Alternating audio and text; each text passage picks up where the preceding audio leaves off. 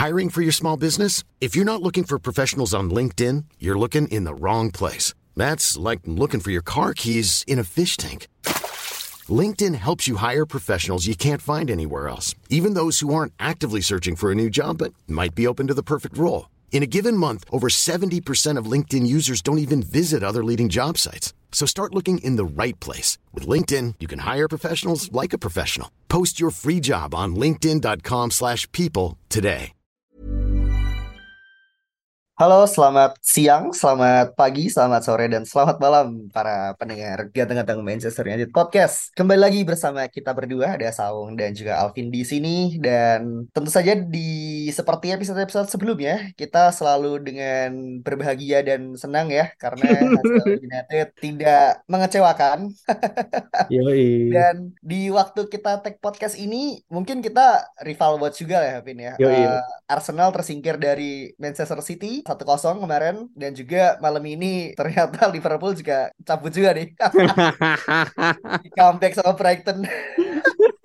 Jadi, tapi ya udah gak usah berapa-lama ngapain bahas tim yang tidak sukses ya. Jadi eh, Manchester United menang semalam melawan Reading 3-1 dan gol dicetak oleh Casemiro, Brace tentu saja dan juga Fred dengan gol cantiknya gitu. Dan Hmm. pendapat lo sendiri Ben dengan melihat hasil yang sangat meyakinkan gitu kan dan juga secara squad juga kita menurunkan hampir full tim ya. Iya, iya. Apa yang lo bisa harapkan dari FA Cup kali ini? Kalau FA Cup kali ini menurut gua pertandingan semalam itu benar-benar malamnya Jogo Bonito ya. Karena Jogo Bonito naik bro. Yoi. President Karena- combination. Betul, karena memang pemain-pemain Brazil kita ini ternyata mulai dari Anthony, Casemiro dan juga Fred itu semuanya berkontribusi entah dari gol ataupun assist gitu. Ya, ya. Bahkan Anthony pun juga ternyata mendapatkan MOTM ya, yang mana mungkin Yes. satu sisi dia MOTM tapi satu sisi di Twitter juga jadi trending juga ya. Tetap jadi bahan bulan-bulanan ya. Walaupun walaupun secara permainan menurut gue ya, dia sudah sangat jauh lebih baik menurut gue. Betul, dia jauh lebih Cara- baik. Secara overall permainan dan juga secara output mungkin cukup oke lah. Maksudnya dengan dengan satu asisnya. Cuman secara overall permainan menurut gue sih sudah jauh lebih baik sih sebelumnya. Iya, iya, setuju, setuju. Dia udah lebih baik meskipun kita juga yakin ya bahwa ini belum mencapai peak performance-nya Anthony gitu. Dan Ya. it's okay gitu karena memang pada akhirnya semua berproses. Cuma kalau melihat semalam menurut gua benar-benar Erik Ten Hag ini game by game gitu loh. Jadi dia nggak mau Hmm. meremehkan bahkan Reading sekalipun dan Hmm. benar-benar tim utama men yang diturunin gitu loh. Literally dari Ya. belakang sampai depan ya yang di rotate cuma benar-benar back tengahnya doang kan. Maguire, Ya. Lindelof, sisanya ya sama aja gitu. Itu kan mungkin bikin semua orang tuh bingung gitu. Kayak wah gila juga nih. Dan ternyata memang terjustifikasi ya dengan babak pertama 0-0 tuh kayak anjir nih kalau misalnya kita pakainya Scott dan Fred mungkin kita udah sangat kesulitan men gitu loh dari Hmm. Betul. awal. Jadi pada akhirnya ya pelatih lebih tahu lah gitu. Betul dan walaupun babak pertama 0-0 tapi secara attempt hampir 12 kalau nggak salah 12 atau 13 attempt. Iya. Dan beberapa ada yang Tapi on target satu kan? On target satu dan kalau nggak salah itu golnya Rashford yang dianulir kan ya. Iya kayaknya.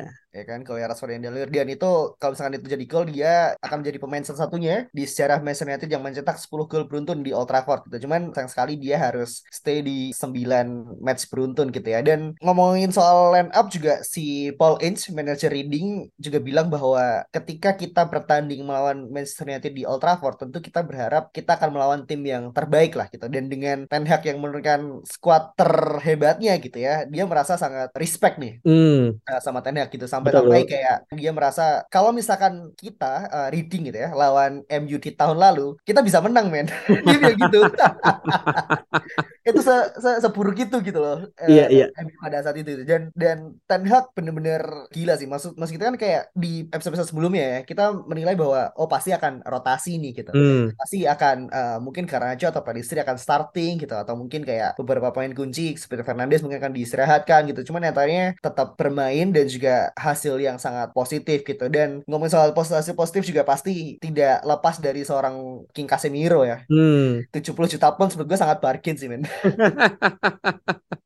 Satu sisi tim lamanya lagi ini kesulitan ya. Satu sisi tim lamanya lagi kesulitan dan juga secara permainan menurut gue masih kita kan nonton Madrid juga selalu mungkin mayoritas kan di Champions League ya ketika mereka lagi bertanding gitu. Dan banyak yang bilang bahwa mereka tuh tidak familiar bahwa Casemiro tuh bisa sejago itu gitu. Hmm, iya, Maksudnya iya. bisa secara output, secara attacking bisa se, se apa namanya se ofensif itu gitu, secara passingnya, secara outputnya gitu. Karena selama bertahun-tahun kan ibaratnya dia cuma menyapu bola-bola yang apa namanya yang yang diserang gitu dari oposisinya Real Madrid gitu kan dan Iya, iya. passingnya juga ke Modric Kroos terus habis itu ya udahlah gitu. Hmm, Jadi betul, menurut lo betul. setelah ini kan tentu kita kan belum belum dapat undian lagi kan ya. Iya, belum belum. Kita undian itu Senin malam, berarti di kita Selasa pagi. Selasa pagi dan tentu dengan rival yang sudah mulai berjatuhan dan menurut gue sih ini harus jadi kompetisi yang diprioritaskan sih bagi bagi bagi Ten Hag sih. Hmm, Kalau menurut lo iya. sendiri gimana, Vin? Maksudnya apakah kita harus tetap fight di FA Cup? Karena kalau nggak salah finalnya final FA Cup atau match FA Cup itu ternyata jaraknya cuma tiga hari setelah Barcelona ya atau sebelum Barcelona gitu. Eh iya, FA Cup ini kan baru ya, baru babak keempat atau kelima gitu. Kalau FA Cup kan sampai akhir nanti finalnya di akhir Ya. musim. Yang abis Barcelona itu final Carabao. Oh ya, Nah, final Carabao. Iya,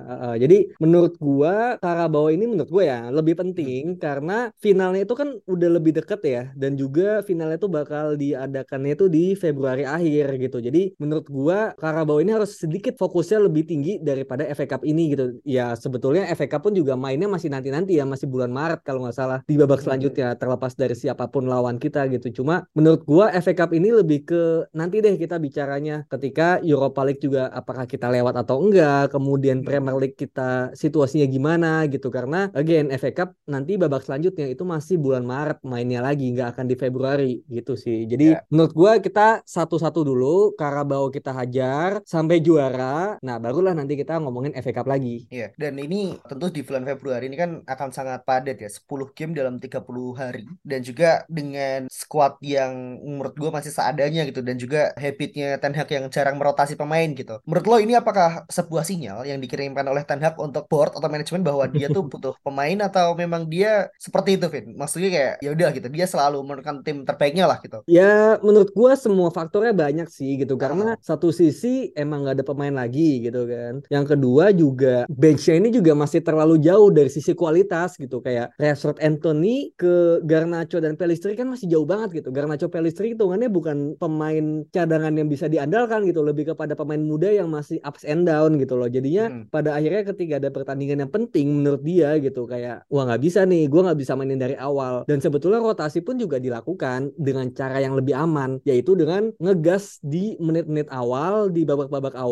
Contoh kayak semalam gitu. Menit sampai 60 kan kita mainin tim utama. Cuma setelah 2-0, 3-0 kita tarik semua. Literally 5-5-nya kita tarik. Dan Betul. kita ganti dengan pemain muda semua. Dan itu cukup lama loh mainnya setengah jam gitu. Setidaknya setengah jam Pelistri, Garnacho, Elanga, Kobi Mainu pun sempat main gitu. Jadi Iya. menurut gua daripada kita mungkin beresiko ya dengan mainin pemain muda langsung tapi ya udah kita mainin pemain utamanya dulu 60 menit ganti semua gitu dan sebetulnya kan udah ada apa ya tumbalnya kan Christian Eriksen yang dihajar sama Betul. Dunes KW kan Betul. Oh, jadinya ya itu mungkin sih satu hal yang mungkin banyak fans MU sekarang sedikit mengkritik Ten Hag kenapa Erikson ini masih tetap dimainkan. Tapi jujur ya menurut gua nggak apa-apa dimainin gitu. Cuma memang lagi suwe aja karena gol pertama pun ya gol Casemiro yang pertama itu pun dari umpannya Erikson yang ke Anthony, kemudian Hmm. Anthony ke siapa Casemiro dan ya Christian Eriksen memang sebutuh itu. Dan kalau lo bilang tadi apakah ini sinyal ke board? Ya betul juga gitu. Dan dua hari ini menurut gua sulit sih kalau benar-benar baru bergerak ya. Jadi gue lebih ke nggak yakin akan ada penggantinya meskipun gue sangat ingin. Ya, apalagi mungkin Ten Hag jadi jago banget ini ya, itu bisa jadi blessing dan juga kutukan sih. Karena kan si MU ini kadang hanya bergerak di market kan ketika situasinya sangat sedang sangat sulit lah ya. Iya, sedang iya, iya. busuknya gitu. Nah, ibaratnya dengan apa yang dia lakukan gitu dan dengan performa yang dia capai bisa jadi kayak board kayak ya lo udah cukup lah lo udah bisa tuh gitu kan ternyata itu. Cuman kembali lagi gitu ketika kita hanya punya empat midfield yang fit gitu kan dengan Casemiro, Fernandes, Fred dan juga Scott McTominay sih ini sangat gak cukup sih men gitu dan dengan jarak hanya dua hari ya Iya. sampai bursa transfer window ditutup sih gue jujur sangat pesimis sih kalau apakah kita bisa dapat pemain lagi atau enggak sih Hmm, Iya iya iya ya mengingat memang MU juga udah bikin statement ya bahwa nggak akan membeli pemain gitu dan hanya yang opsi murah kayak gue juga mikir siapa lagi emang pemain yang bisa diambil kecuali pinjaman aman ya gitu. Jadi memang nggak ada sih dan ya mungkin kita juga berharap ya bahwa ketika misalnya Erikson ini cederanya lama, Casemiro ini terutama ya itu jangan sampai cedera karena nggak mungkin lah kita kembali ke McFred kan gitu. Jadi hmm. Casemiro ini memang semalam kalau kita lihat sepenting itu ternyata dan ya wajar aja sih kita diobok-obok Arsenal ya. Casemiro yeah, kedua gol dan ya gol literally keren sih kayak gol pertama itu chip dan dia masuk kan dari lini kedua. Gol pertama gila sih bos. Iya kan, gol pertama kayak gila main Casemiro yang DM bisa melakukan itu gitu kayak itu yeah. kan gol-golnya Nani kan. golnya Nani betul. Yeah. Dan gol Nani ini lagi tuh golnya si Fred tuh gol Nani banget tuh, ingat gak lo? Iya iya betul betul betul. Waktu dia lawan lawan Munchen kalau nggak salah. Betul betul betul gol Munchen. Champions League gitu. Yeah. Gol kedua Casemiro tuh mungkin itu juga itu juga kombinasi antara kipernya agak caur dan juga deflect dikit ya. Iya, itu gol Toni Kroos sih menurut gua. Betul. Dan gua jujur sempat kecewa karena Rashford tentu saya tidak bikin gol gitu kan. Dan iya. juga dengan Joko Benito yang kembali hadir di Old Trafford ya setelah kita hanya punya Anderson dan juga Andreas Pereira sih gua sangat happy sih men. betul betul betul dan rumornya kan bakal ada satu Brazil lagi ya. Meskipun ini juga masih sangat jauh ya bahwa para pandit Twitter MU ya di di Twitter ya itu banyak yang bilang ketika Malo Gusto ini akhirnya ke Chelsea, ya. kita itu harusnya mengincar Van der Sen dari AS Monaco gitu. Okay. Mana itu pemain muda dari Brazil yang ternyata gaya bermain ini menurut mereka ini lebih cocok untuk di bek kanan gitu loh. Kayak kalau Dalo kan cocok banget buat overlap kan, tapi kalau oh. Van der Sen ini cocok buat invert gitu loh. Jadi lebih bisa masuk ke dalam, long bola juga bagus banget. Jadi kita lihat juga nanti kita bahas juga episode khusus Van der Sen ya, kansnya seperti apa. Jadi mungkin dengan trio Brazil yang kita miliki semalam dan bermain baik kita juga bisa menambah itu lagi gitu. Oke, dan mungkin setelah penampilan Joko Bonito Old Trafford yang sangat luar biasa kemarin, tentu saja kita berharap akan kembali melihat performa yang menyenangkan lah kita gitu dari yeah, United. Yeah. Dan tentu saja setelah ini kita akan bertemu dengan siapa, Vin? Ya, babak selanjutnya FA kan undiannya masih Selasa pagi ya dan gue sih hmm. berharapnya ya semoga ketemunya gampang-gampang lagi gitu.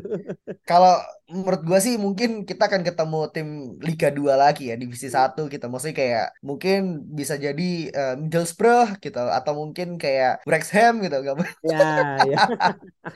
Kalau zaman Ole sih mungkin kita dapat Bayern Munchen, Pak. Iya. ya, semoga jelek banget. Betul, betul, betul. Dan semoga ya City itu lawannya Spurs langsung ya. Jadi dua tim raksasa yeah, yeah, saling bunuh. Chelsea, Arsenal, Newcastle juga udah gugur sama Liverpool. Hmm. Jadi ada tim-tim kayak Blackburn, Birmingham, yeah. Ipswich, Burnley, Bristol, Luton. Sama ini timnya si itu orang Indonesia yang main di Liga 1 Premier League yeah. tuh. Aduh lupa lupa gue namanya siapa. Ipswich. Ipswich. Iya iya iya. Ipswich. Ipswich Town. Ya, Ipswich bisa. Ya semoga semoga jangan lawan City, Spurs sama Brighton sih ya. Oke, mungkin itu dulu yang bisa kita bahas di FA Cup kali ini gitu ya. Kita akan bahas lagi di episode selanjutnya untuk tentu saja kemenangan-kemenangan kita yang lain dan see you guys. Mom deserves the best, and there's no better place to shop for Mother's Day than Whole Foods Market. They're your destination for unbeatable savings, from premium gifts to show-stopping flowers and irresistible desserts. Start by saving 33% with Prime on all body care and candles. Then get a 15-stem bunch of tulips for just $9.99 each with Prime. Round out Mom's menu with festive rosé, irresistible berry chantilly cake, and more special treats. Come celebrate Mother's Day at Whole Foods Market.